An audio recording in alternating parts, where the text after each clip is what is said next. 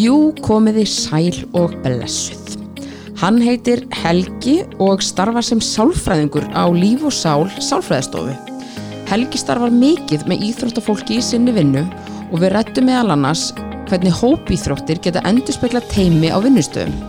Við rættum líka MeToo-byltinguna og þar komum við inn á hvernig hún hefur breytt samfélaginu til eins betra, hvernig tímatni voru fyrir byltinguna, eftir hana og svo stöðuna í dag hvað það er nákvæmlega sem stjórnendur þurfa að taka með sér og læra á þessari byltingu. Eða eins og Helgi orðaði það sjálfur, stjórnendur eru orðin svolítið stressaðir. Að auki tölum við líka um kulnun og streitu og hvort að þetta sé virkilega vandamál vinnustafana en ekki bara hluti af lífinu sjálfu. Er kannski enga lífið að valda okkur og mikill streitu þannig að það bytni á vinnunni eða öfugt? Alveg hreint bráð skemmtilegt spjall framöndan en þessi þáttur eru búið Alfred og Origo. Alfred Atunuleit er einfalt og hraðvirt auðlýsingakerfi sem tengir saman fyrirtæki í leita starfsfólki og fólki atunuleit með nýstárlegum hætti í gegnum app og heimasíðu. Alfred er í dag stæsti atunuleita miðl landsins með yfir 100.000 notendur og eru flestir þeirra með stilta starfsvakt í appinu. Þegar atvinnuauðlýsing fer í loftið fara tilkynningar í síma allra þeirra sem eru að vakta sambarleg störf og Alfred bendir á að þarna geti verið hendut starf á ferðinni. Með því að auðlýsa starf hjá Alfred ertu því að ná til allra þeirra sem hafa áhuga á starfinu og fyrir frekari upplýsingar bendi á alfred.is og svo er það Origo. Kjarni er öflug, mannuðs og launalaust sem stiður allt ferlið frá ráðningu til starfsloka. Helstu kostir kerfisins eru aukin upplýsingagjöf, skilvirkni í launavinnslu og manniðstjórnun á samt hagkvæmni í hýsingu og viðhaldi. Kjarni inniheldur átta hluta sem vinna vel saman með það markmiði að nýtast stjórnundum sem best í sinni vinnu. Til dæmis eru mikil þægindi og sveianleiki sem enginn skýrslugerð sem er innbyggð í alla átta hluta kerfisins. Það er svo fullkomi flæði á milli kerfisluta í kjarna og yfir í önnur kerfi, hvort sem það eru rafrænfræðslukerfi eða tímaskáningakerfi.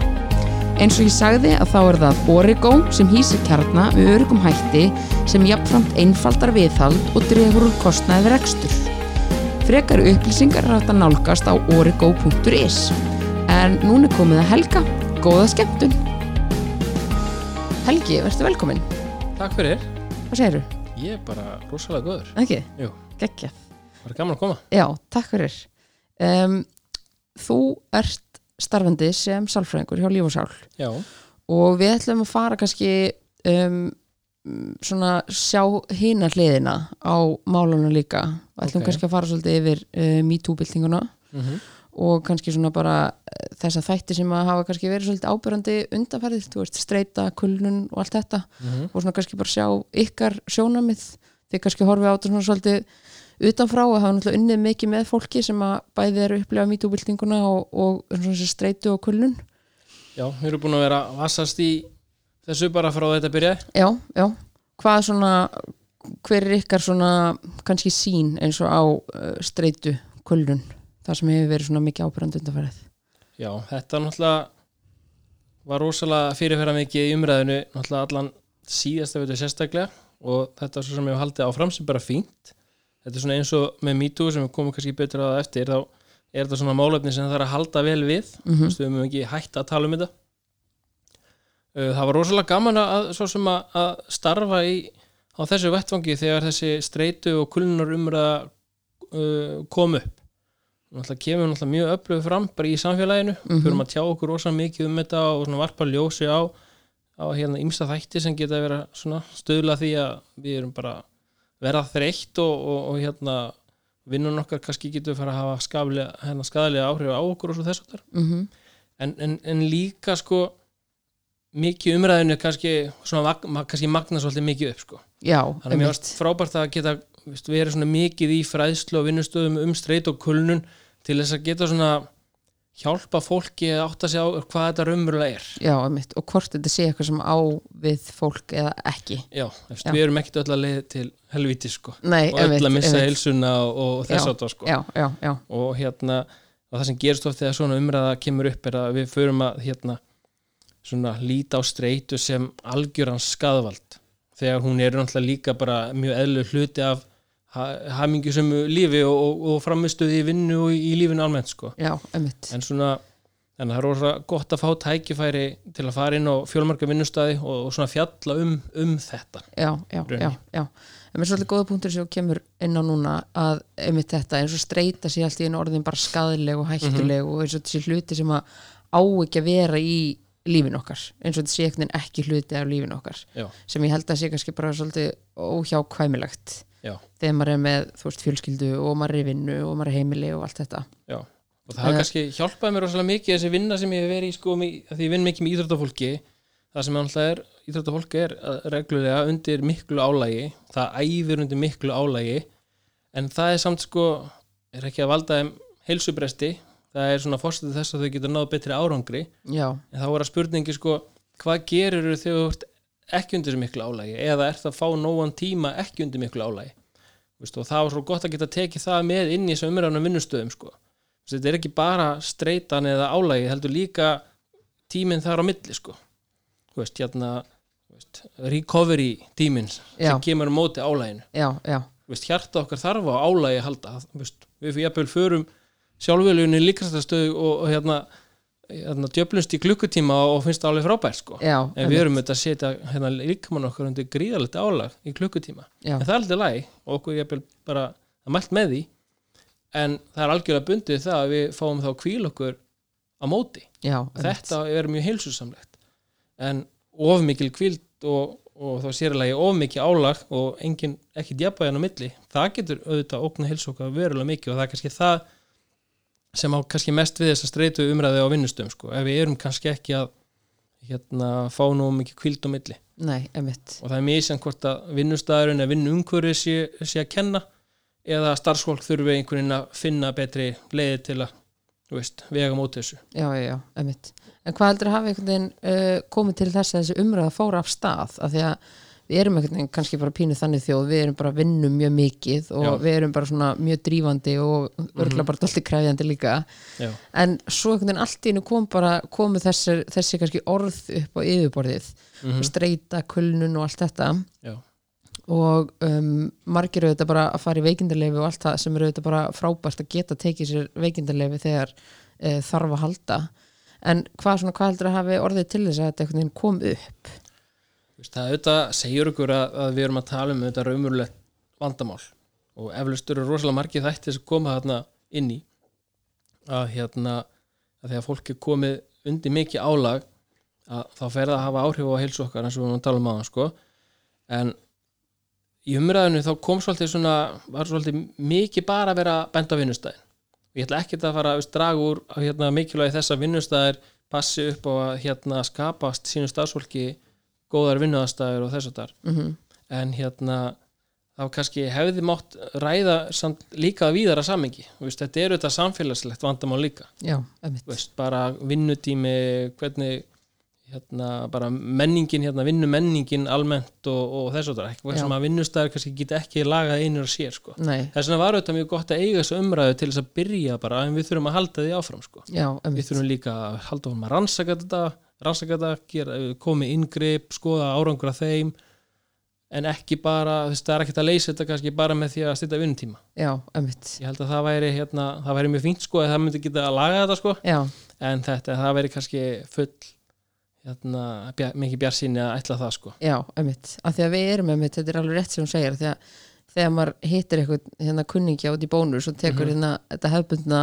spjall þá er einhvern veginn alltaf brjála að gera og maður þarf einhvern veginn að hafa brjála að gera. Og ef Já. það er ekki brjála að gera þá er einhvern veginn ekki, er einhvern veginn ekki alveg kannski nóg kúl. Nei, þannig að við erum kannski líka bara svolítið innprentuð eða það er kannski bara svolítið innprentað í okkur við þurfum alltaf að vera að hafa brjála að gera. Mhm. og það kannski með tengist þá ekki bara vinnustanum nei. Við, sko, ég held að ég beli hjá sumum, sumum myndi upplifa það að þeir eru að vinna svolítið mikið en það væri svona þægilegasti tími dagsins örgulega hjá sumum sko. Þau eru að vinna í þannig umhverfi að því að maður hugsa sko uh, vinnulega séð og hugsa um álag þá kannski hugsa við sérstaklega um andlegt álag veist, áreiti og það að vera í vinnu eru þetta er mikið áreiti sérstaklega veist, ef hlutverk er ekki nógu skýr eða það er bara ómikið að gera og oflítlinn tími og, og mikið pressa. En það sem við erum líka að lendi að hérna svo komum við heim og við höldum áfram að, gera okkur út í áriti þetta er sko að svo, það til með að sé myrkur hérna stóran hluta ásins, það er svona hvetum hann ekki til að fara heim og veist, kveiki í grillinu og, og slappa af eða eitthvað svoleiðis, við erum svona líklegir til þess að bara fara upp í sófa og hvað gerum maður þegar maður er komin upp í sófa setni part dags, setni part dags? Veist, það er annarkvæmt áriti frá krökkunum og maður er kannski komin í síman og þetta er kannski afslöpunin já, en við vitum það að síminn er þetta að skapa okkur mikið áreiti og ég vil líka tekja eftir þessu í viðtölum við fólk og ég þekkja nú bara sjálfur að þegar maður fær kannski 5 minúna pásu þá er mjög eðlilt að maður kíkja í síman mm að slaka á. Já. en þarna setur maður oft hugan undir gríðalega mikið álag sko. bara það að fara inn á Facebook og skrolla niður tímalínu þannig að einhver myndi spyrja hvað er þetta að gera? Ég er ekki að gera neitt, þetta skoða eitthvað, nei ég er ekki að skoða neitt ég er bara að skrolla það er miklu miklu meira álag að skrolla niður tímalínun, tímalínun á Facebook en það að fara að skoða eina frétt á MBL út af því að á meðan þú ert að skrolla og finnst þú ekki vera hérna að lesa neitt þá er hausinn alveg í yfirvinnu við það að reyna að skanna allt það sem er að, það sem er á skjánum. er, er að skjánum að því það er eitthvað sem að færi til að stoppa. Já, ömmit Þú veist, einhver áhugi eða einhver góð markasetning eða eitthvað sem að læta alltaf að stoppa. Þú veist, þetta er hausinn að gera á meðan þú ert að taka kvíld já, ömmit þannig að kannski svona recoveryið andlega var nú kannski ekki meira en þetta. Og svo allar álega sem var að vinna og þá allir missur einbyttingun og ert komin að MBL eða eitthvað, já, veist í tölvunni. Já, já, því þú kemur ekki út kvíldur eftir þessar fimm mínútur þú kemur þreyttur andlega í rauninni. Já, já, já, þannig ég held að við sem að lenda oft í þessum vítring að við hérna út frá vinnunni og bara stundum frá af lífinu að við erum að þreyta okkur á mikið. Hausin okkar er bara ekki heilin okkar er bara ekki komin þetta langt að, ráða við þetta magna af upplýsingum á einum degi. Nei, ömmit og við kannski einmitt að fatta bara að þetta er ekki leiðin til þess að- slaka á. Já. já, nákvæmlega. Og kannski umræðan um þetta er kannski átt sér meira, meira staði á hvert bötunum okkar. Að við sem fóreldrar eigum að svona að passa aðeins upp á bötunum hvað þetta var þar að þau sé ekki að keira sér út í svona áreiti að þau fái líka tíma. Það sem er minna áreiti, veist, bara getum leik og fleira það sem að upplýsingaflæði er miklu einfaldara veist, einfaldur leikur á eigin spýtur eða við einhvern annan það er ekki svona mikið magna upplýsingum eins og þegar fólk kannski eða krakkar að horfa á YouTube eða eitthvað svoleiðis.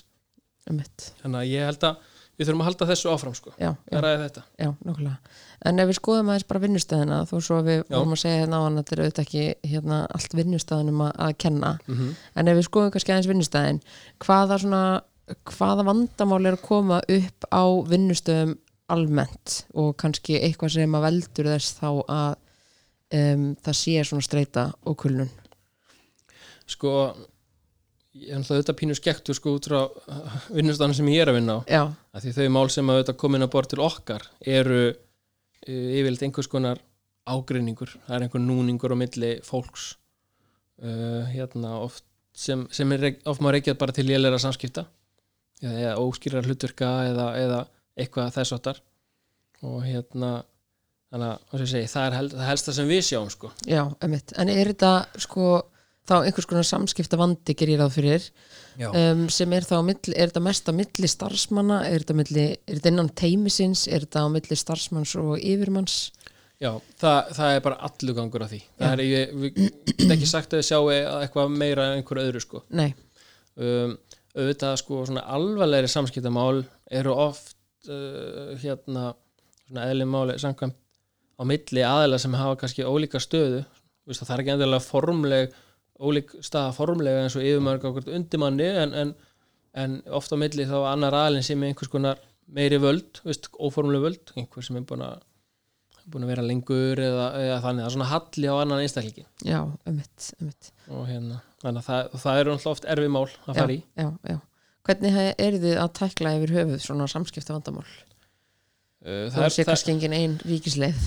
Nei, og það er svona það er svona kannski oft vandamáli við þetta og, og svo sem líka st- st- staðan sem stjórnundu lendi í að þau kannski eru búin að vera að tækla reglulega einhver mál en virka alltaf frekar reynsulegis í þessu út af því að þegar kemur nýtt mál þá er svona einhvern veginn svo það lærist ekki það síðasta máli af því þetta nýja mál er einhvern veginn alltaf uh, hérna, nýtt, er svo einstakt einhvern veginn þannig að yfir, er mjög oft ekki hægt að, hægt að tækla tvö mál eins. Já, bara ólíkar aðstæður uh, ólík svona forsaga, ólíkir einstaklingar mm einstaklingar líka með ólíka væntingar til lausnarinnar. Og hérna þetta er lang erfiðast þegar eða komum upp mál á vinnustöðum hvort sem við ko- eigum aðkoma að því svo setna eða ekki. Það sem jafnvel sumir eru farin að segja ég ætla ekki að vinna með þessum Já, Lengur. einmitt, já, og það er, mjög, það er ekki mjög farsalt til- lausnar þegar þú svo staði komin upp mm en stundum hefur fólk ímislegt til síns máls og, og meðalans út af því að þessi mál eru stundum búin að vera grassara lengi sko. já og það er einmitt. kannski svona mesta ágefni sko.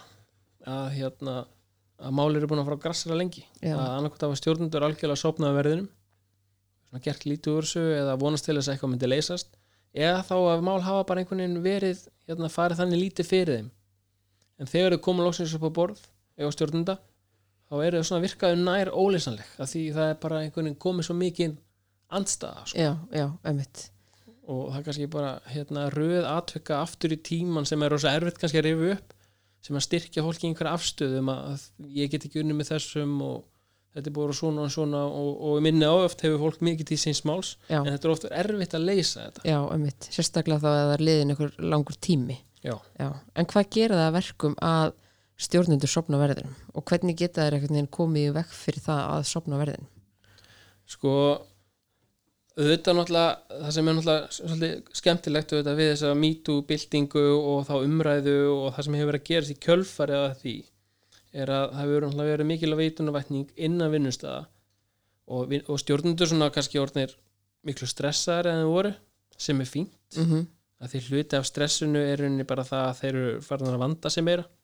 Uh, vanda sig meira þannig að það er búið að huga rosalega vel að verklagi og, og stefnum og búið til góða svona grunn til þess að nýta svo þegar svona mál komu upp. Um, stjórnundur hafa líka verið að auknum mæla að sækja sér bara handlislu sækja sér þekkingar og, og það búið líka vera að brýna fyrir þeim bara ábyrðina sem liggur hjá þeim. Já, þeir við berum umverulega ábyrð mm -hmm. að ef þið gera hérna, og kannski hluta stressinu ef þau vita það kannski margir hverju núna ef þeir bregðast ekki svona við málum þá, þá geta þau þurft að svara fyrir það setna á einhverjum vettfangi Já, eða bara þetta byrtist í fjölmjölum fjölmiðlum, eitthvað akkurat, sko. Við fengið alveg nokkuð þannig síntöl sko. Já, einmitt. Það sem að eru ágjör einhverju svoleiðis þá vil ég reyna að afstýra því. Já, þannig að það er, hérna, það er bara hluti af þessu. En þó að það sé kannski oft erfitt að standa í þessu þá held ég að það sé samt alltaf allt til góðs. Mm við erum að læra rosalega mikið af þessu. Já, og hérna en svo náttúrulega bara viðst, mér samt bara náttúrulega stjórnendur eru svo ólíkir. Viðst, kannski hefur svona gengt með tíðan að horfa tilbaka þá kannski voru stjórnendur frekar svona já, harðir, mm veist. Kannski svolítið verkefna miða þér bara. Svona verkefnum með þær og svona mannus partun af, af stjórnendunum var kannski ekki til staðar. Nei, og kannski heldur fengu ekki viðandi bara þjálfun. Akkurat og það gata auðvitað orðið til þess að það var hort fram hjá vandamálum og, og hérna stjórnendur litu á að þetta væri ekki þeirra vandamál. Og það var alltaf bara hluta menningunni eða einhverjir tveir átti í deilum hvað sem að halla á annan aðalinn eða ekki þá var það bara svolítið engamál þeirra mm þeirra að díla við það. Já, en það er þetta búið að breyta svo mikið viðhorfum núna og, og, það er þetta sem sem tala um það, svona nútíma stjórnendur eru kannski svona aðeins mjúkari. Uh, en mjúku stjórnendur eru líka í vandræðum sko. Út af því að margir hverjir eiga erfitt með að taka á málunum. Já, einmitt. veist, að því þú ert kannski með starfsfólk sem að stendur svolítið nærri og það að þú þarft að fara einhvern veginn að grípa til einhverja aðgerða. Að því þessi mjúki stjórnendin er á þannig að hann er, hann er næmari og hann vil freka fá fólk til þess að vinna með sér. En svo ertu með eitthvað mál það sem, þú ert með tvo aðela sem er ekki tilbúin til samunu eða kannski annar, annar er ekki tilbúin til samunu Já, Þannig þú að ert að taka einhver afstöðu. Já, þú farið hann ekki með þér, þannig að þú þarf sem stjórnandi að stíga inn í og taka ákvörðun að þú ber ábyrðuna og það, við fáum líka það til okkar sko. Já, já, þannig að sko það sem að kannski ma- mannus partur af, af stjórnandarhluturkinu er rosalega sterkur einhvern veginn þannig eða svona allavega upplöfun starfsfólk er mjög góða stjórnandunum það er svona gott að leita til hans og skilnisríkur mm en stundum þarf að stíga inn í mjög erfið mál og taka stundum ég að byrja stóra ákvarðanir. Já, einmitt. en að Mér finnst einmitt í þessu samgjöf, mér finnst mjög áhvert sem hann hérna um, Hafsteinn hjá Íslandsbanka um, sagði. Uh, hann sagði bara stjórnundur eru bara litlir mannistjórar já, og það er náttúrulega bara það sem þeir þurfa að gera. Þeir þurfa að hafa hennan sko mannlega þátt og uh, veist, vera með dálítið svona uppluga mannlega hlið af því að Já. þessi svona verkefna miðar stjórnun er um, ekki bara það sem þetta starf snýst um akkurat Nákvæmlega, já. Þetta er dálítið svona áhugaverður um, svona punktur af því að oft einhvern veginn sér maður líka bara stjórnundur ráðna í einhverju starf þar sem maður vantar kannski bara pínum svona mannlega þátt. Mhm. Akkurat. En það auðvitað hefur tíðkast að stjórnendur eru ráðnir kannski ekki út frá færni í þessum þáttum sko. Já. Þetta eru öðrum þáttum já, já. og sem er sjálfur sér ekkit vandamál sko. að því í rauninni það þarf bara að líta á það sem tækifæri. Meina, við- vonandi sko, það hefur náttúrulega orðið rosa mikið aukning, aukning í bara hérna, mentun stjórnenda eða svona fleiri tækifæri til þess að sækja sér endurmentunar og, og sækja svona, var svona stjórnenda mat, þú veist, 360 gráða mat og allt þetta. Mm það sem er einmitt að vera að reyna að finna út sko að hvað leiti uh, hvað er það hjá stjórnenda sem að vantar upp á? Já, sem bara ekki eitthvað til að skilgjara út frá einhvern veikleikum heldur akkurat þarna leikja tækifærin til að vera betri stjórnandi. Já, það vantar svona meira bara svona að leggja áherslu á þetta og svum fyrirtæki hafa verið alltaf til fyrirmyndar hvað þetta varðar þá menn kannski önnur hafa minna pælt í þessu. Já, vonandi er það að breytast. Já, já, algjörlega, ég vona það líka af því að þetta eru þetta bara hluti af starfinu sem að skiptir alveg útrúlega miklu máli. Eins og- eins og segir bara að það kom upp erfið starfsmannamál að það sé, þú veist, það er þetta trista því að við komandi geti listu og geti stegið inn í tekið ákvarðanir. Þess vegna eru alltaf mjög glöð þegar stjórnendur leita til okkar sko, því það, það segir okkur að stjórnendur er að vanda sig og vilja gera vel. Mm -hmm. uh, eru kannski óörug með þar aðgerir eða hvernig er þetta að fara að leysa til ekki mál, leita sér aðstóðar það er alltaf til margsum það að þau eru að vanda sig þau hafa metna fyrir að veist, halda áfram gera hlutina vel. Mhm. og það er sko algjör algjörlega það sem við erum búin að að upplifa alveg frá það mýtu kom fram að hérna enga neikvæðni eða, eða, sko, neikvæð viðhor hjá, hjá stjórnundu fyrirtækja eða fólk í mannusmálum. Einmitt, gagvart í svona að þetta sé vesen sko að þetta er örugglega- hefur alveg verið svolítið vesen sko. Alveg veist, en ekki það, það endur spekla ekki viðhorfið þeirra. Heldur freka bara, herrið okkur, við þurfum bara að gera betur. Já, stefnun okkar er bara úræld, við þurfum að skoða hana.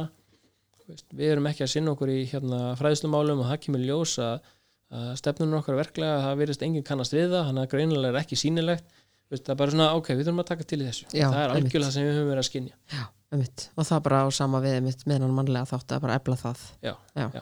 En það hefur bara eins og sagðir áðan það hefur kannski bara komið svolítið svona í kjölfarið á MeToo-byltingunni Mhm. og kannski hristi svolítið upp í hérna vinnustöðum. Já, um, fannst þér svona að þú talar um um þetta að stjórnendur væri kannski orðin pínur svona stressaðir um, sem mér finnst mjög svona vel orðað sko í þessu samhengi.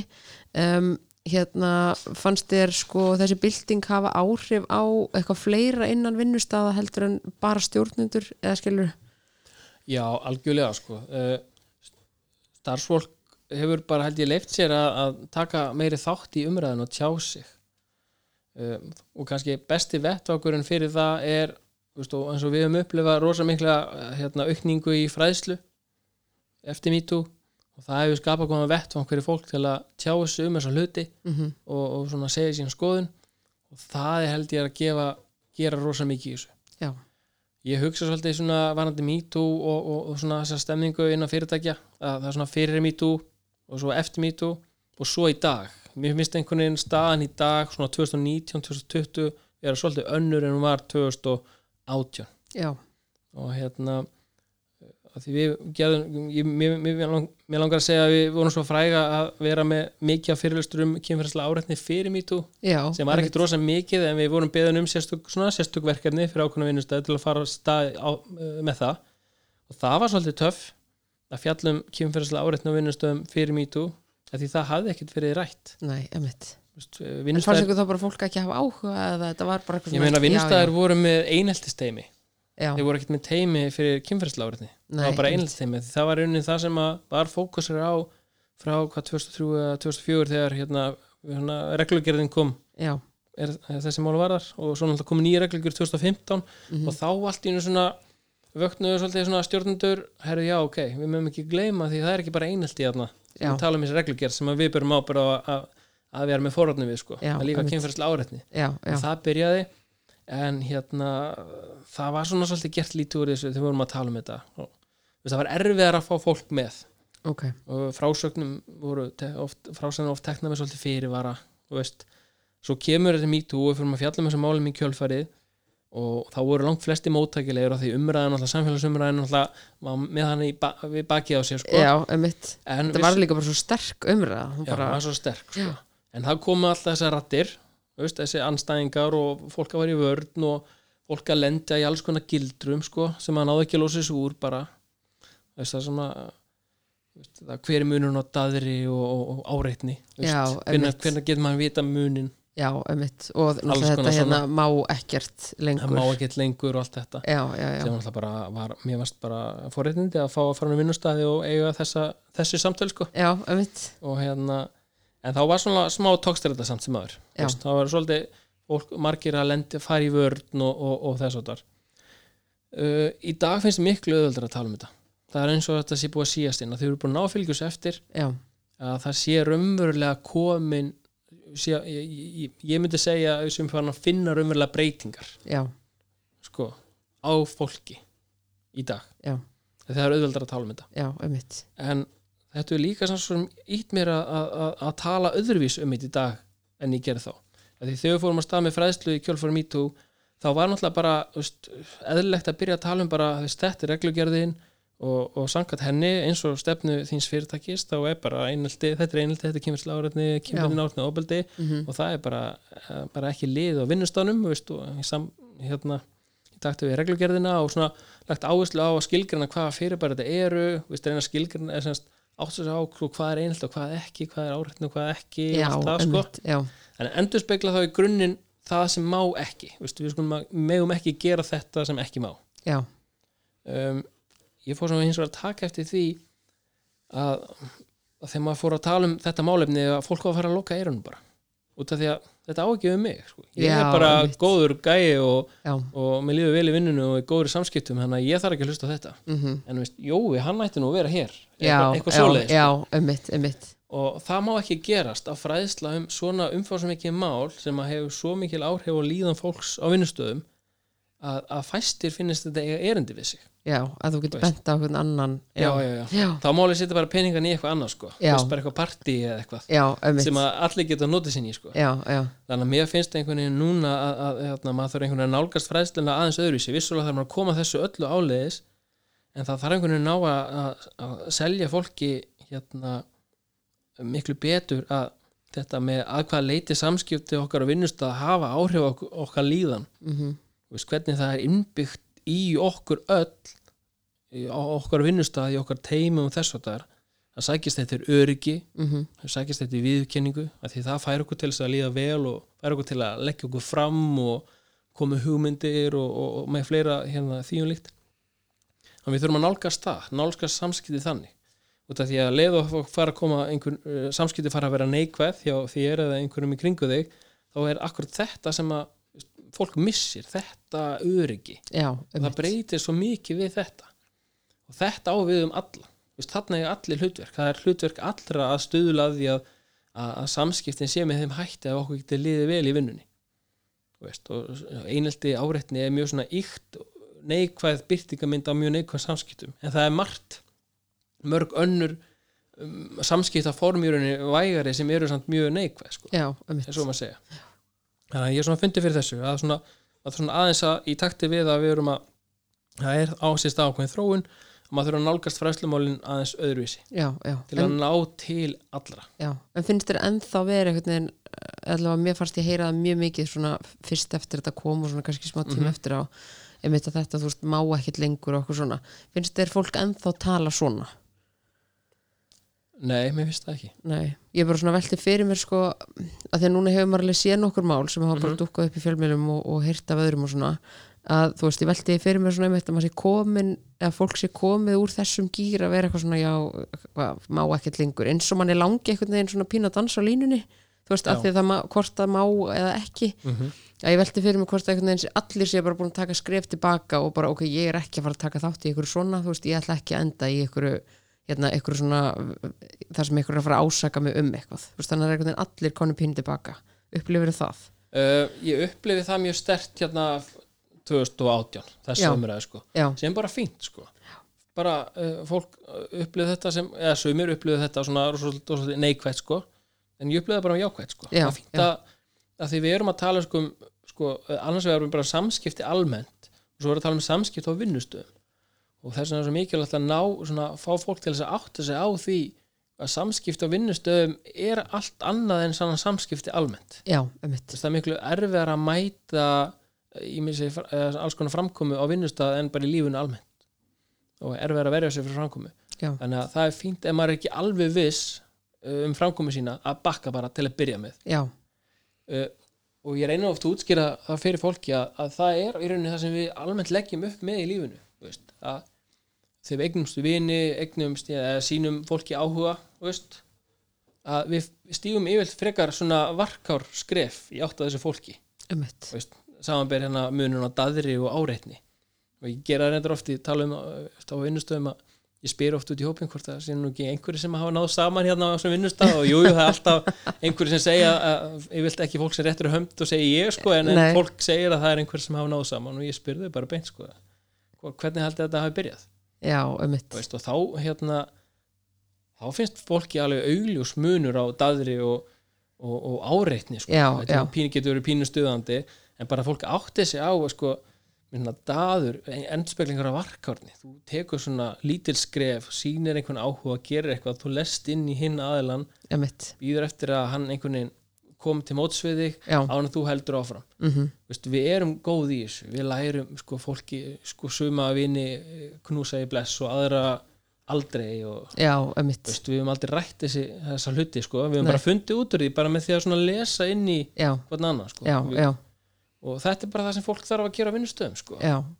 málið með, á vinnustæði að við vitum ofta ekkert nógu mikið um fólk hvaðan kemur og hvernig það virkar þannig við þurfum að gefa bara meiri tími að lesa. Já, akkurat. En þetta svona kom stundum í held ég samt hjá mjög fáum sko. Það er svona eins að vera að taka einhvern mannréttindi frá manni að með ekki stöða fólk með einhverjum húmor. Já, einmitt, já, þegar við erum ekkit rosalega held ég flest gjörn á það almennt í lífinu sko. Nei, nei, nákvæmlega. Nei. að þeim veist líka sko hluti af þessu, ég hef svo sem sagt það áður líka að einhvern veginn hluti af þessu er að um, hvort sem maður er að koma nýrin á vinnustæði eða búin, að vera það lengi að um, maður veit kannski aldrei almennilega hvað fólk uh, hefur upplifað og hverju það hefur lent í. Já. þannig að hérna, bara það að klappið er eitthvað á öxlina þú veist, það getur rifjað eitthvað upp fyrir þér sem að engin annar veit. Já, og hérna, þú veist, þannig að maður, svona, maður getur einhvern veginn ekki gert ráð fyrir að klappa á öxlina síðan sama fyrir mér og fyrir þér. Akkurat. Þannig að, einmitt, er hann að setja sig kannski þannig inn í, inn í eða svona í, bara í spór fólks veist, og passa upp að maður veit aldrei hvað, hvað fólk hefur, hverju fólk hefur lendi akkurat. Þetta eru bara breytið tíma Já. og ég held að þetta sinn bara uh, góðu sko. Þegar við verum að ná að veist, ganga betur í takti við þetta þá held að það sé bara mjög fínt sko því ég vil alltaf ganga út úr þeirri svona grunnforsendu að okkur langar auglustlega að líða vel í vinnunni okkur langar líka að öðrum líða vel í vinnunni. Mm við vitum hins vegar að lífið er þannig að fólki líður ekki alltaf vel en ef einhvern líður í vinnunni þá viljum við alls ekki vera vald, ég vil ekki vera valdur þess að einhvern líði í vinnunni. Já, veist. þannig að ég geng svona almennt út frá þessu grunnforsendu en því miður eru samskipti þannig hvort sem er í vinnunni eða, eða heima fyrir eða annar staðar að stundum eru samskipti með, með þeim hætti að, að, að það koma tilfinningar og fólk fyrir að leiða illa og við förum, fram, förum fram úr okkur og allt svoleiðis. Mm en við viljum það samt ekkert. Nei, einmitt. Þannig að það er svolítið að taka þessa umræðu líka upp á hérna, vinnustu þetta svona, þetta persónulega sko. við erum sko, samstagsmenn og við viljum vera fagfólk en við erum líka bara persónur að tala saman sko. Og við höfum tilfinningar og, og, og okkur langar að standa saman sko. og svo náttúrulega eigðu við líka bara með miklum tíma með samstagsfólkinu maður er bara með því átta tíu tíma á dag akkurat, veist, og þá veginn, já, bara ósynlátt verður maður að kynnast betur og þá veginn getur bara skarast einhverju mörg sem að hvorki ég vildi eða þú eða bara gerist veginn, eða skilur já, þess vegna held ég að þetta hugtak sko, með öryggið þetta er svona, í fræðunum við tala um þetta psychological safety að það er að verða að fara meira meira fyrir þessu hugtaki út af því að, ok, við eigðum náttúrulega miklum tími í vinnunni en við líka vinnum meira saman. Við vinnum meira í teimum og það er náttúrulega bara sínt sig að hérna og rannsóknar að sínt það að, að svona, þau teimi sem funkara best sem teimi mm að það eru teimi það sem er svona psychological, psychological safety. Og, og þegar maður upplifir svona, þannig öryggi í teimi þá eru allir eh, mun líklegir til þess að, að hérna, leifa sér að vera hugmyndaríkir hafa þóri það að leggja hugmyndir á borðið uh, þó að það verði kannski ekki allir sammála hugmyndinni. Já, veist, þú ert ekki fastur í einhvern passífin gýra alltaf býð eftir að sjá hvað einhver annar gerir og þess að þar, já, einmitt, einmitt. Það við þórum já, akkurat. Þannig að En svona í sambandi við þessa MeToo-byltingu, hvena fannst þér svona, eða hvenar upplifðu þið kannski að svona vinnustæður færu að taka við sér? Að þetta kom svolítið bara svona yfir samfélagið, bara eins og flóðbylgja og svona hvenar fannst þér svona vinnustæður bara já, heyrðu, við þurfum nú kannski eitthvað að skoða þetta, að því þú talaður um áðan einmitt að þetta væri svona eitthvað, já, já, hann er komið fyrirlestur um, um áreitni og eitthvað svona, bara næs, en veist, við erum ekkert að fara að spáði því meira. já, um, það byrjaði reynda bara mjög fljótlega sko, hann fór vaksandi Já, fór, fór vaksandi með hverju mánuðin mhm, það, það, hérna, það, það tóku þetta tíma fyrir fyrirtæki að fara svolítið yfir bara verklagi sitt uh, til að átta sig á því sko, er þetta nógu gott? Það komið ljós að margir var bara mjög úrælt verklag skilgreiningar og fyrir reglugerð Já. tengilið löngu úreldir. Fólk fann ekki stefnuna einhverju heimasvæði eða þannig. Já, og, og þess að það sko. Já, þannig að þetta tóku þetta einhverja mánuði þannig að taka við sér sem er samt ekki rosa langu tími. Nei, sérstaklega þegar fólk allar að vanda sér rosa mikið þá, þá tekur, taka hlutinu oft tíma. En eins með mál sem kom upp sko, þau taka alls svolítið tíma út af því að veist, það þarf að reyna að vinna þau hratt en það líka, þarf að líka að vinna þau rosalega vel sem því það, veist, það er oft erfiðast af þessu mál. Mhm, að þau taka svolítið tíma að vinna þau einmitt, en, en, en það er mikið undir, það þarf að vinna þau rosalega vel. Já, nokkulega.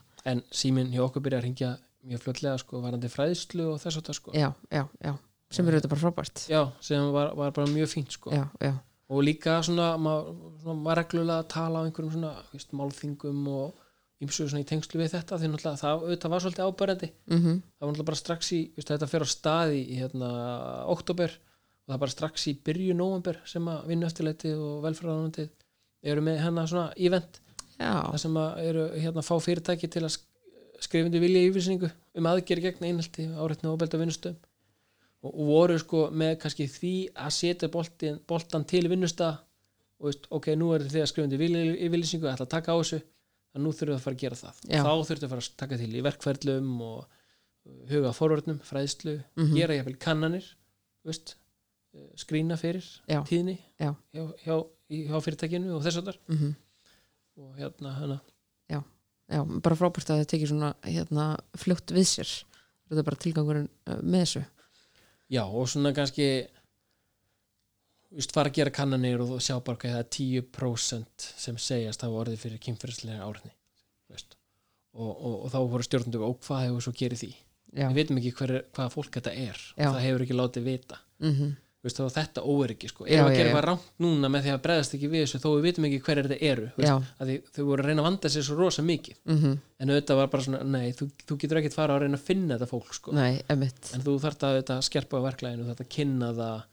Veist, fólk, það þarf að vera algjörlega ljóst við hvert á fólk að leita já, ef það upplifir eh, hérna, áreitni og og fólk var kannski bara ekki að leita því að það fann einhvern veginn ekki að uh, það var veist, alvöru verklag veist, Já. og það, það var ekki búið að kynna þessi mál nægilega vel.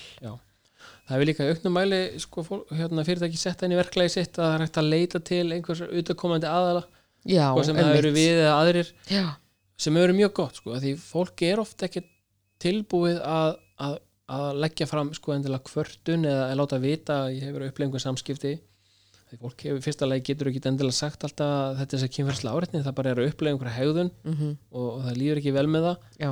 Getur kannski ekki alveg hérna enda, nei, Nei, það er ekki sendilega sérfræðingar í því heldur sko. Mhm, að, aðrir í því. Já, og hérna að það geta þá tala við einhvern utanakomandi aðila bara til þess að spegla og tala opið á þess að það fari bara eitthvað ferli af stað. Já, að því það var náttúrulega svolítið einkennandi í MeToo eðlilega að, að tala um mikilvæg þess að bregðast við. Þú veist, og það komu fréttur um uppsagnir og fleira. Þannig að sumir eru bara hrætti við það. Ef ég læti vita verður þá þessi vinnufélag mínu sagt upp annarkot vill ég það ekki eða, eða ég vil ekki vera ástæðan fyrir því einhverju sagt upp og veist, ég veit hver fjölskylda þess já, og svoleiðis. já, já, já, og einmitt kannski er það ekkit endur alltaf heldur tilgangur en að fólki sé bara sagt upp heldur bara einmitt að eiga það á hættu að einhverjum, að, að þetta geti enda svona. veist, á meðan, sko, ef ég er að upplega einhverja framkomu og kakot mér, þá alltaf er ég með svona ákveðna stjórna aðstæðum sko. ég get valið að segja einhvern frá þessu eða Já. segja frá einhver hvernig mér líður. Mm en það ef ég læti vita er ég þá búin að missa stjórnuna frá mér? Og Já. getur þetta farið bara veist, já, já, Já. af stað? Já, og á þess að geta nokkuð sagt um það sko. já, já, já. En líka einhvern veginn góður uh, svona punktur í þessu að geta mitt leita eitthvað annað án þess að involvera yfirmann eða mannustjóra eða eitthvað, Já. að svo er náttúrulega bara svo mismunandi tengingar. Já, veist, kannski nærði það ekkert almennilega til yfirmannsins og kannski þekkjur mannustjóran um, lítið. Þú veist, kannski er sá sem að þú ert að tala um er vinur yfirmannsins eða já, eitthvað svona, veist, þannig að það kannski hvetur það ekkert rosalega til þess að leita til þeirra þannig að Nei. hafa eitthvað svona um, eitthvað leið sem þú getur talað við einhvern annan einmitt og líka á þess að fara eitthvað stort ferli í gang sko. Og, og ég finn að hérna það er svona líka munur núna á, á kannski núna svona 2019 og 2020 að fólk eru svona aðeins rólegri yfir þessu fann að svona oftar treysta því að það verði ekki kannski bröðist of harkalega við. Það sé veist, bröðist við með viðegandi hætti Já, já, ekki að það sé alltaf ljóst hvernig það er sko Nei, nei, en nei. það sé reynda að hérna bregðast við með einhverju viðandi hætti og jafnvel skoða hvort það sé grundullur fyrir sátt og þess áttar einhvern veginn að leysa málin. Já, já, algjörlega ef það er hægt. Já. En segðu mér að því að þú varst að tala með mitt áðan uh, með þetta hérna fyrir MeToo-byltinguna Já. eftir og svo í dag. Hvað, svona, hvað finnst þér þið sem svona fagaðilar hafa lært á þessu? Þú veist, hvað takið þið út úr þessari vinnu í rauninni? við náttúrulega höfum lært ótrúlega mikið en svona til að segja eitthvað þá finnst, fannst mér mjög svona áhugavert að kannski sjá að, að allur þessi ótti við að opna þessi mál sem kom svona alltaf skýrt fram Mm og hvað svona, ég var hrætt við það svona einhvern veginn að opna á þetta. Uh, að þessi ótti var bara óþarfur. Algjörlega óþarfur. Að því við höfum fundið fyrir svo augljóslega að, þessum sko, svona létti hjá fólki svona í kjölfarið eftir Já. að byrja að opna á þessu hluti -hmm. að það var svona einhvern veginn létt á fólki að geta að byrja að tala um svona hluti opanskátt og það væri komin einhver svona vettfangur og einhvern farfuðu fyrir það svona eins og þessi lægi svona þetta hafi verið ákveðið tabú eins og að búið að ná einhvern veginn að brjótast út úr því. Mm og til því að leið og fólk svona fór að upplifa þennan létti að geta að tjáðs um þessa hluti og byrja að ræða þetta þá kannski var fyrst hægt að fara að leggja áherslu á og hva, okay, við, ok, þetta er það sem er að gerast og þetta sem hefur verið í gangi um, hvað er að gera þá í þessu í dag? Hvernig er að breyðast við þessari stöðu og hvernig getum við fyrirbyggt það að svona hluti gerist á vinnustað í svona framtíðinni eða þannig? Já, já, já. þannig að það er kannski þetta. Þú veist, það var svolítið ábyrrandi fannst mér fyrst að það, svona, það voru alltaf einhverja að reyna að íta þessu niður sko. Veist, kannski svona taktið gamla tíma kannski, bara já, já. bara veist, íta þessu niður og, og Já. glemir þessu eða Já. reyna að fara að svona skauta yfir þetta Já, bara næsta, hvað er Já. næsta mál Já, en fannst þér þá stjórnendur meir í því að bara svona, nei, nei, þetta, þetta er á ekki við hjá okkur, eða hvað, Nei, mér fannst það bara að koma fram líka í samfélagslega umræðu bara, bara já. hjá fólki, ég held að þetta sé ekki sko stjórnanlags eðlis, þetta er bara svona tilneying hjá fólki já, Já.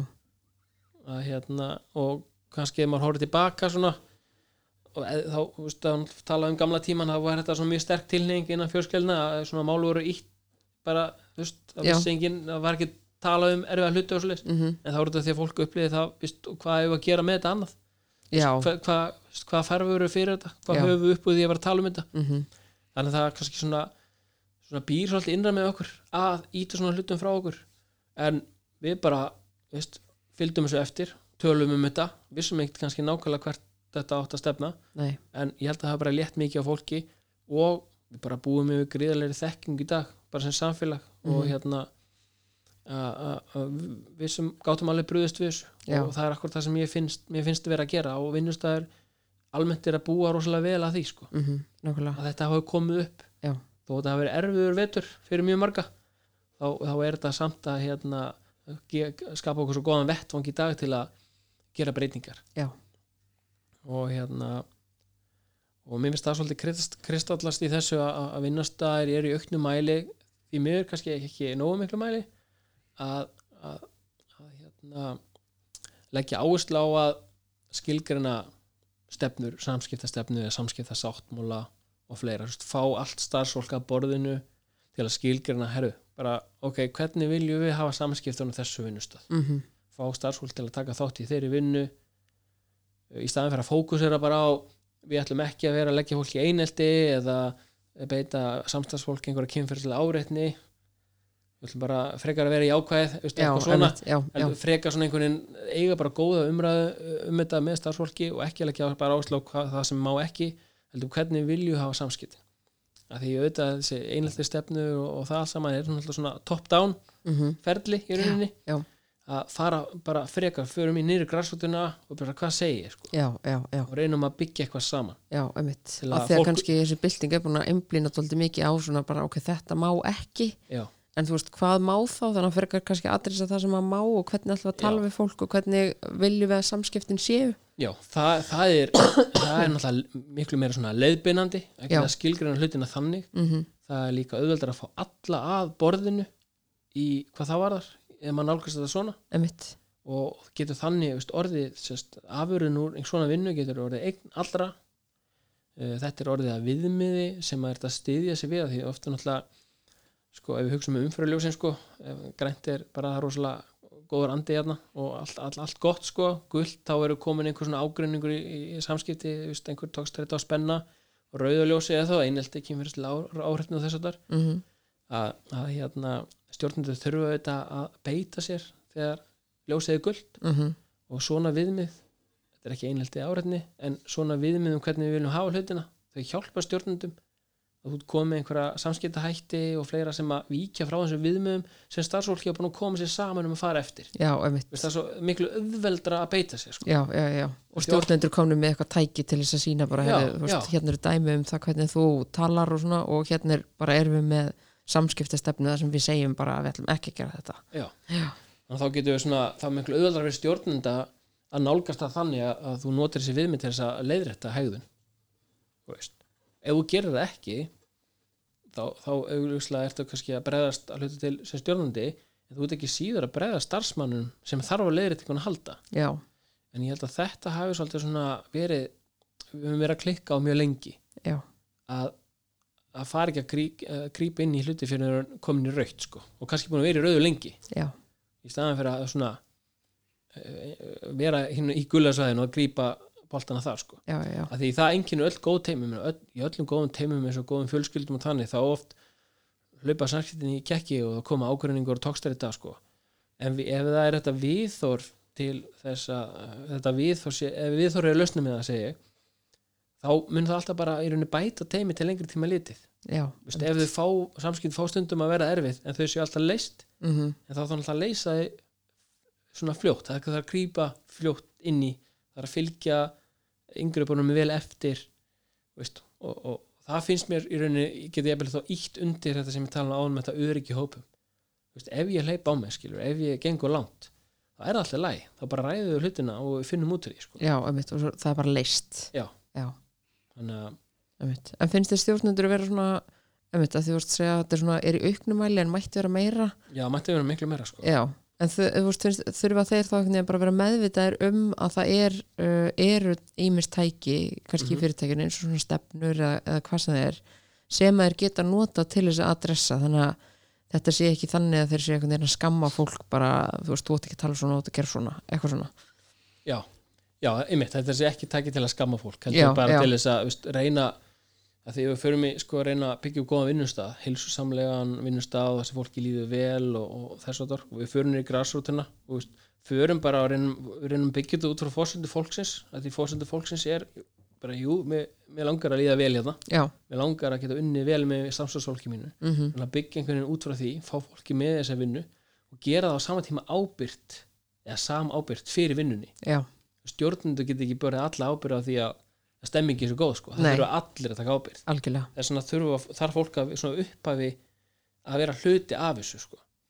en þetta er svona erfitt að koma sér kring. Já, já, þetta er raunast að það sem þú getur helst hópa flestum saman. Já, einmitt. landsbítalinn alltaf fór í mjög metna fulla vinnu að að vera með svona samskiptarsammála já, en út af stærð landsbítalans þá var það þannig að að flestir sem koma að þessu þetta voru rínhópar sem var skipaðir og það var ekkert allu vinnustæðurinn nei, þannig að einmitt. eflust það var sumi tengt meira við vinnun en aðrir. Já, en það er auðvitað rosa dýrmætt þegar vinnustæðir geta fengið alla með einhverjum hætti að þessari vinnu. Mhm, Í allavega stóran hluta, ömmit, Já, já, já. algjörlega.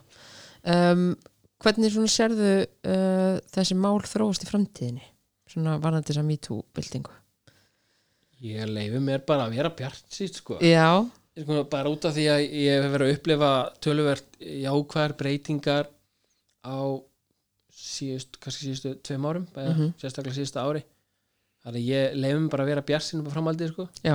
uh, sérstaklega út af því að allavega þeir svona mannustjórar eða mannusfólk og stjórnundur sem ég er í samtali við sem er þó nokkuð stór hópur að það er svo mikill hugur í þessu fólki já, og það er svona kannski bjartsýnin er þar og líka þegar ég er í fræðslu þá finnst mér fólk vera svona með bet, svona meira með að reynu hvernig samskiptin eiga að vera. Veist, að samskiptin er ekki bara eitthvað sem er og ég þarf bara einhvern veginn að díla við það og, og ég get bara verið get það bara að fara að nöldra yfir ég skilur að Já. samskiptin er bara svona eitthvað veist, eins og maður myndi nöldra yfir veðrinu sko, Einmitt. er bara eins og það er. Já, já, maður stjórna því bara þannig að en mér finnst að að bæði, bæði þetta að fólk einhvern veginn leifir sér að tjá um samskiptin og leifir sér þá að fara að hafa áhrif á samskiptin og svo þetta við þá stjórnundan ég leifi mér út frá því að vera bara nokkuð bjart já, ok, ok. Að við séum að alltaf að komast nær getum við sagt lækningunni sko. Já, einmitt, já, mér finnst mjög tröstakjönd allavega þú sem fagaðili seg, er sérst svona bjart síð já. en við munum þurfa að hafa mikið fyrir því sko. Já, einmitt, það, það, það krefst mikill að vinnu. Já, já, ég er alveg hérna, hérna eins og tölum áður með streituna minna, það, það þarf einhvern veginn að vera hluti þetta getur ekki verið bara einhver inngrip sko, einhver Já. tíma, það þarf að vera hluti bara af vinnustan, Já. menningunni. já, Svona eins og í auknum aðli vera að tala um sko, hvernig umhverfismálin verða hluti af vinnustadanum og mm vinnustadanum fara að verða svona veist, huga að heilsu starfsfólks.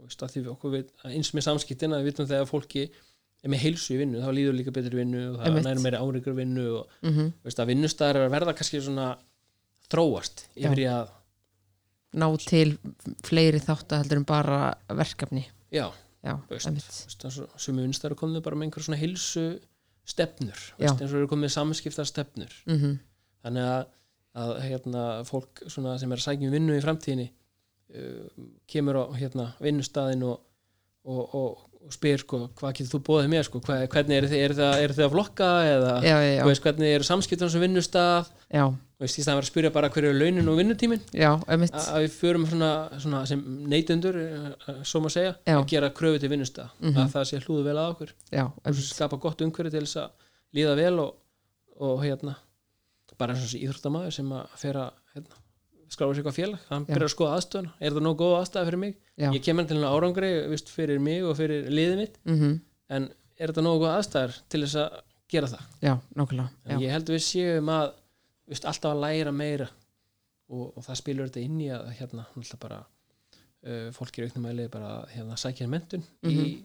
í hérna, mannustjórnun og, og fleiri þingar líkt var þess að sækja sér um þekkingar til Já. þess að geta sett þetta upp í eitthvað svona kerfisbundið batteri. Mm einmitt, einmitt. En minnst líka þessi einhvern veginn umræða finnst mér svo áhugaverð með tillit til þess og, og hérna ég hef svo sem rætt þetta líka áður að hérna um, þú veist, vinnustæðurinn er að verða meira einmitt heldur en bara eitthvað vinnutími og laun og verkefni og eitthvað svona, þú veist, það er komin heilsustefna og samskiptistefna og eitthvað svona, við erum komin sveigjanlega vinnutíma og eitthvað svona.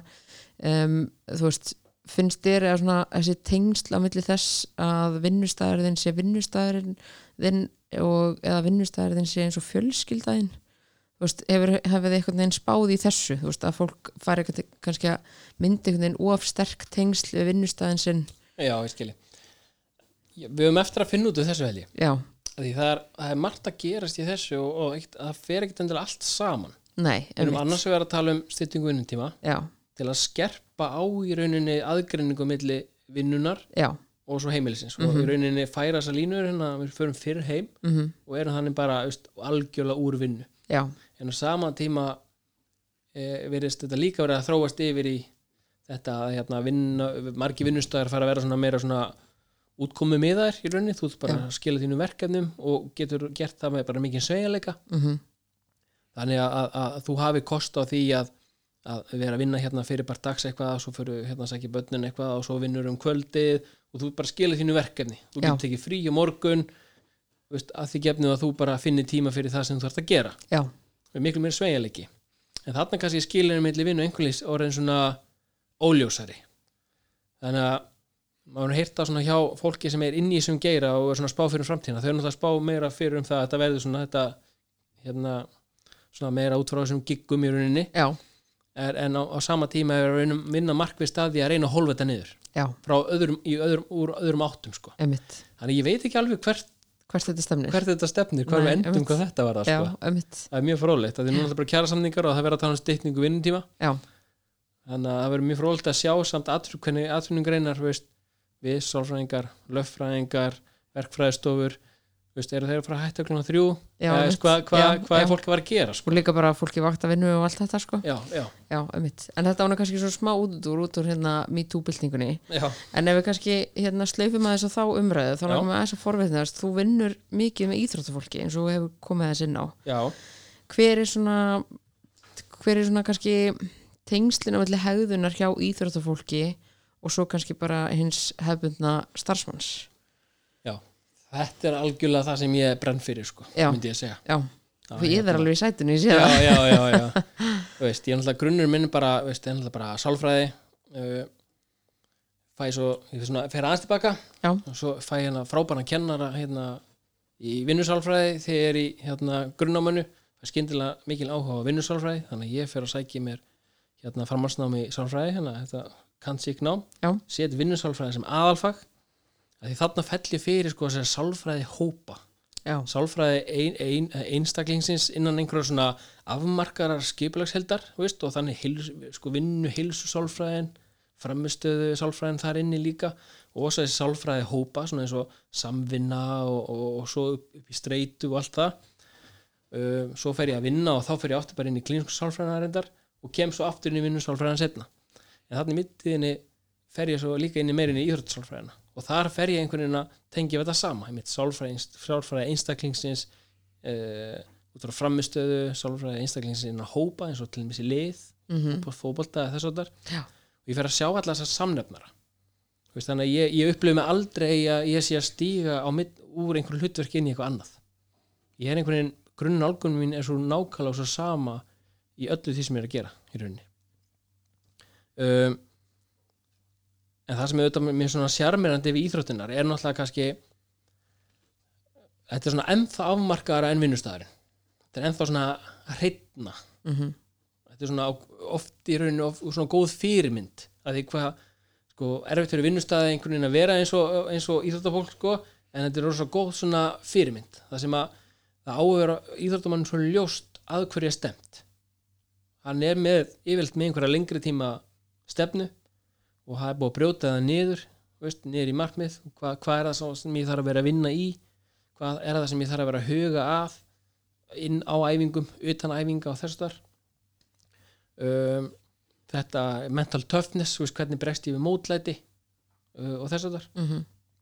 að geta svo tekið það inn á vinnustæði og reynda svona einhvern veginn að finna því hérna ákveðin vettvang sko. hvernig get ég hvernig getur nálgast fólk á vinnustöðum með sama hætti Mhm. en það get skrítið að hérna Sigjarakki og fleiri sko, langan tíma hafa verið mjög vinsælir Hafrún Kristjáns vinsælir með svona erindin á vinnustöðum þar sem Mhm. hafa akkur bara verið að draga lærdom af vinnu með Já. hvernig er þetta heimfaraði yfir á vinnustæði Mm og þetta finnst mér svo áhugaverð sko. já, emitt, emitt en hvað finnum maður í svona samægilegt í þessari hegðun hjá íþjóttafólki því að eins og ég kannski horfa á þetta að þú veist, ég hefði aldrei áttnett frábæran feril í fótbolta því ég var bara veginn ekkert sérstaklega góð þú veist, ég var bara svona ágætt en ég hefði aldrei endað í landsliðinu þannig að þú veist, það veginn segir sér kannski pínu sjálft um það að ég hefði aldrei ná, náð neitt sjúklega langt.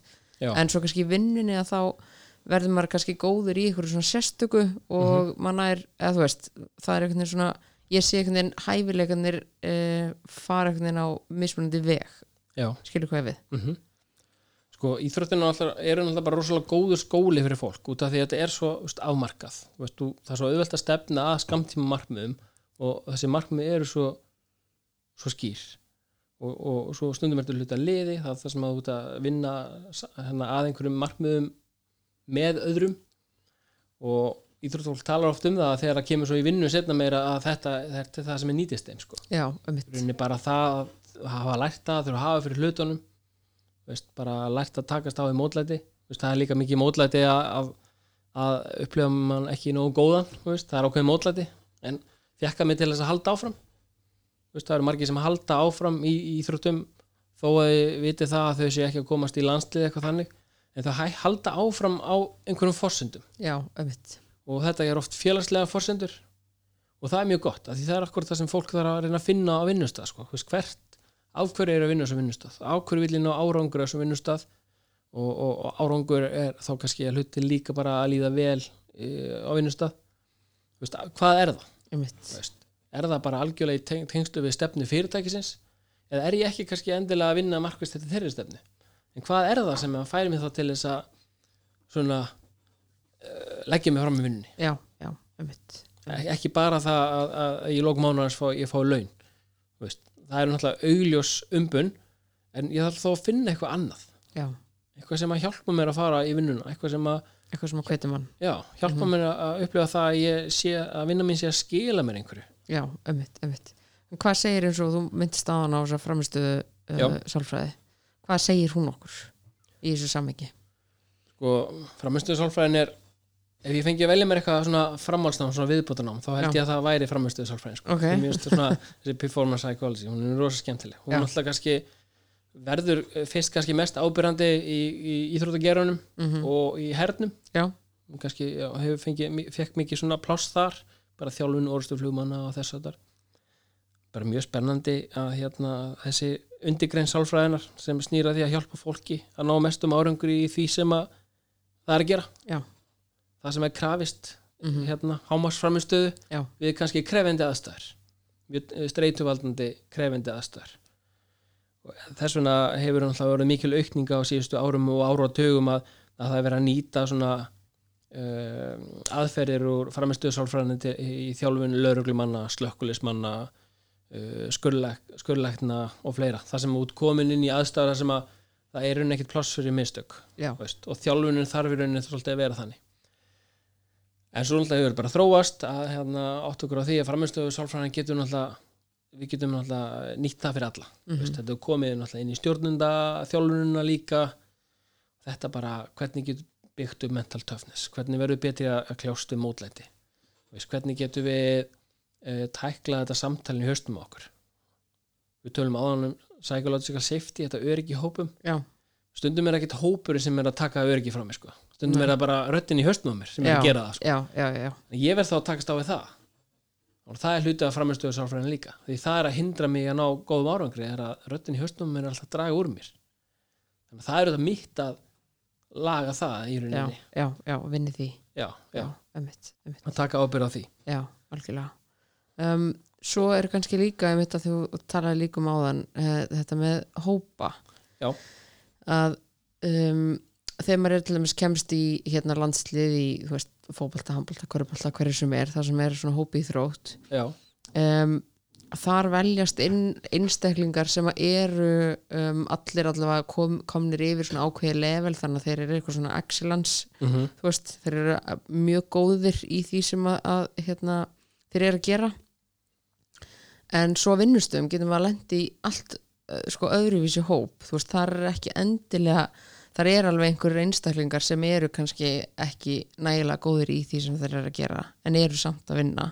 Þannig Já. að maður velst inn í uh, hóp þar sem að það er einhvern veginn ekki allir að gefa 100% í þetta eins og kannski maður myndi halda að hópi í þrótt eða landslið væru að gera skilur já, þannig að einhvern veginn hópanir þarna þegar þeir vera að vinna saman en forsendundan hjá fólki eru allt öðruvísi.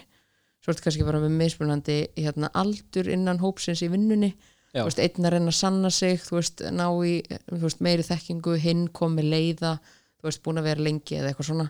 Þú veist, hvernig er svona hvernig dýna mikinn þarna á milli? Hvernig náðu það yfirfara þetta uh, bæði svona íþrótnar yfir að vinnustæðan og kannski öfugt? Já þetta eru þetta mjög áhugavera pælingar út af því að þetta eru þetta mjög krefindi aðstæði sem að fólk mætur ofta á vinnustöðum. Já, að vera með einhver teimi eða, eða hóp starfsfólks sem að það þarf að ná árangri en, en hérna fólk er kannski ekki endilega að tengja eitthvað rosa mikið við mikilvægi þess að ná, ná einhverjum sérstökum árangi, árangri. Mm og, og hérna þannig að maður svona oft tala um í svona ráðningabransanum sko að, veist, við erum annars að vera með fólk sem hefur færni og, og hins og með fólk sem hefur svona góð viðhorf að við viljum fre- frekar ráða fólki sem er réttu viðhorfin og, og, og litla færni frekar sko, af því Einmitt. þá getum við bara að þjálfa þetta fólk. Já, en svo stundum situr upp með fólk sem er kannski ekki drosalega auðvelt að þjálfa. Mhm, en svona við finnst hljóðið í svona það fyrirtæki sem við erum í samstarfi við sem er mjög mörg hver með mikið metna fyrir því, því sem er að gera. Mhm, að þau eru svona að skerpa á svona framistöðu markmiðum í rauninni.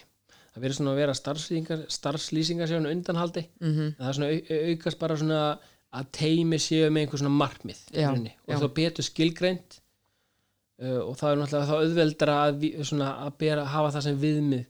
Þú veist, ef fólk er algjörlega víkja frá þeim viðmið sem hefur verið sett fyrir teimið mhm, og þá er auðveldara að díla við það. Veist, við sitjum ekki alltaf bara upp með einhvern starfsmann sem nennir ekki að vera hérna. Já, já, því hann er orðin einhver hluti að teimi það sem er krafist þess að það, það, það þarf að ná einhverju funksjón í teiminu já, það að aukast.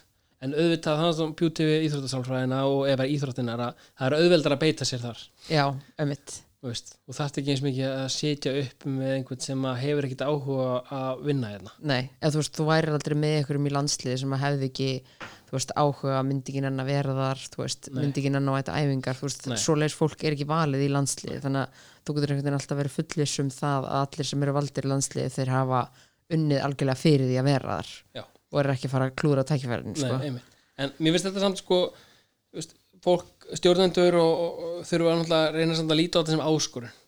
Að hérna og, og það er ofta sem að við þekkjum vel sálfræðingar bara, sérstum gefum klínsku vinnuna að fá til okkar fólk sem að vill breytingar mm en er samt kannski ekki droslega mótivera til þess. Já, og kannski er það mótivera því það er rætt um að geta ekki ná árangri geta Já. ekki breyst. Mm þannig að í grunni kannski vill það breytast vill ná meira árangri Mhm. en það er eitthvað sem heldur þeim frá því. Já, þannig að þú ert oft kannski bara með starfsfólk það sem að það er einhverja hindranir. Mhm. það er ekkit endilega eitthvað, þetta virkar sem áhugaleysi og, og, og vera svona svona personleiki og eitthvað en kannski er eiginlega allt þarna til alls en það er einhver hindrun. Já, sem að það er kannski að reyna að átta sig á og hjálpa fólki að yfirstíga mm -hmm. og við erum samt kannski ekkit komið nú langt í því.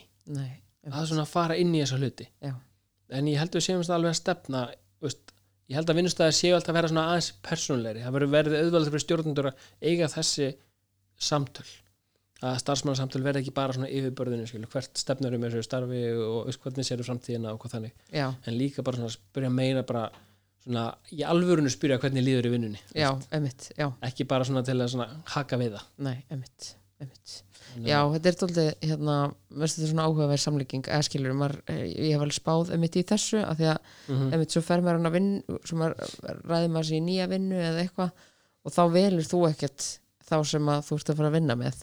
Nei, og þú veist ekki fyrirfram hverjir það eru eða hvernig þeir hafa staðið sig eða hvernig það er, sko.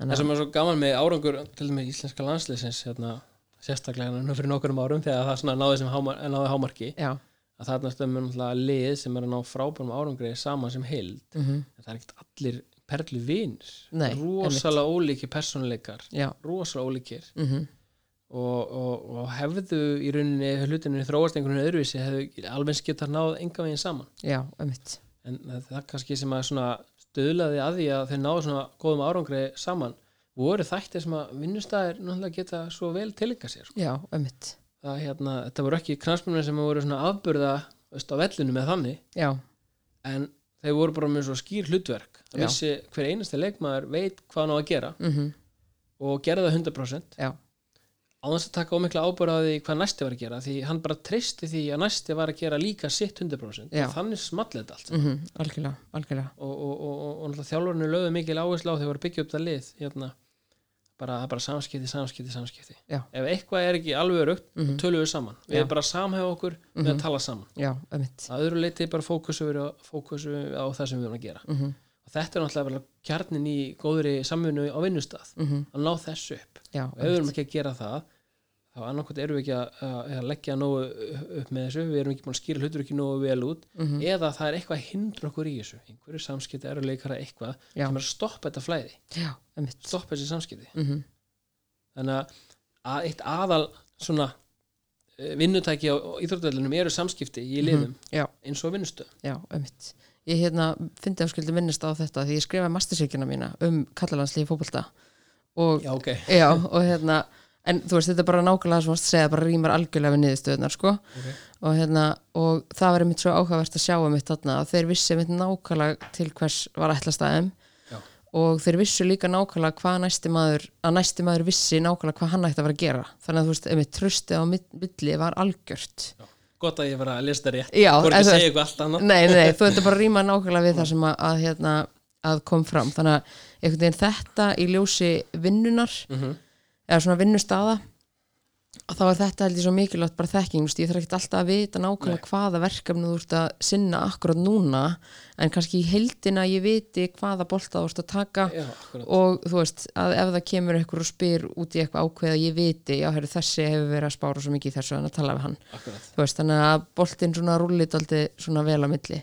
Og þú kaupir þetta ekkert í búð sko? Nei, Það þarf að byggja þetta upp Já, Og það já. að lúa rosalega vel að þessu. Já, og mér var svolítið svona ágætt líkinga að hérna, því var, var kannski með einhver svona liðseldavinnu eða þannig og, og tók einhver svona dæmi að, að það var okkur ógslag gaman að fá símtalið og herru, við ætlum að kalla það inn í hópin já, og ég sá alltaf fyrir mér ennar sem var að kalla inn í hópin og ég hugsa bara, vá, ég er að fara inn í geggjaðan hóp já, já. sem nær svo mjög árangur saman. Mm þannig ég get bara sest niður sett fætur upp á stól og bara nota þess að vera hérna Þú veist, svona varpa því upp. Já, augljóslega gengur það ekki sko. Nei, nei, nei. þetta lið þegar var ná sem mestum árangri var bara svona kannski eins og eins og hérna, róðralið, segjum að séu bara veist, ég veit ekki eru margir róðralið, segjum séu tíu.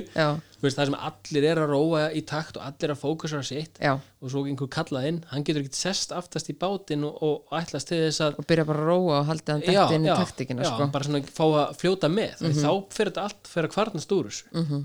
Árangurinn var góð, svona góður og samhældin svo mikið út af því að það voru allir að gera sitt. Já, ömmitt og ég man að þetta kom hérna einn punktur að um, þú veist, þetta var orðið þannig veginn og er bara þannig að veist, veginn, þetta var orðið svo stórt og mikið og um, samheldnin var svo mikil og öflug já, og bara skýr sín, skýr stefna og allt þetta og hlutverkin og svona að það var enginn að fara að taka sjens á því að, að gera eitthvað veist, fara eitthvað óvart á eitthvað fyllir kannski eins og var eitthvað áður fyrr. Nei, en að, veist, þá hefði bara verið vandralegt þá hefði bara svona í alvörun, ertu bara klúður þessu tækifæri bara til þess að gera eitthvað svona hvort sem var eitthvað fyllir í eitthvað annað. En veist, þetta var alveg orðið þannig bara, veist, það er enginn að fara að feila þannig að eigi, eigi sjens á því að missa sæti sitt í landsliðinu. Já, veist, og þegar þetta er orðið svona þá veginn ertu alltaf á tánum held ég og þú, þú veist, reynir alltaf að performa bara 110% já, akkurat. Nákvæmlega, já.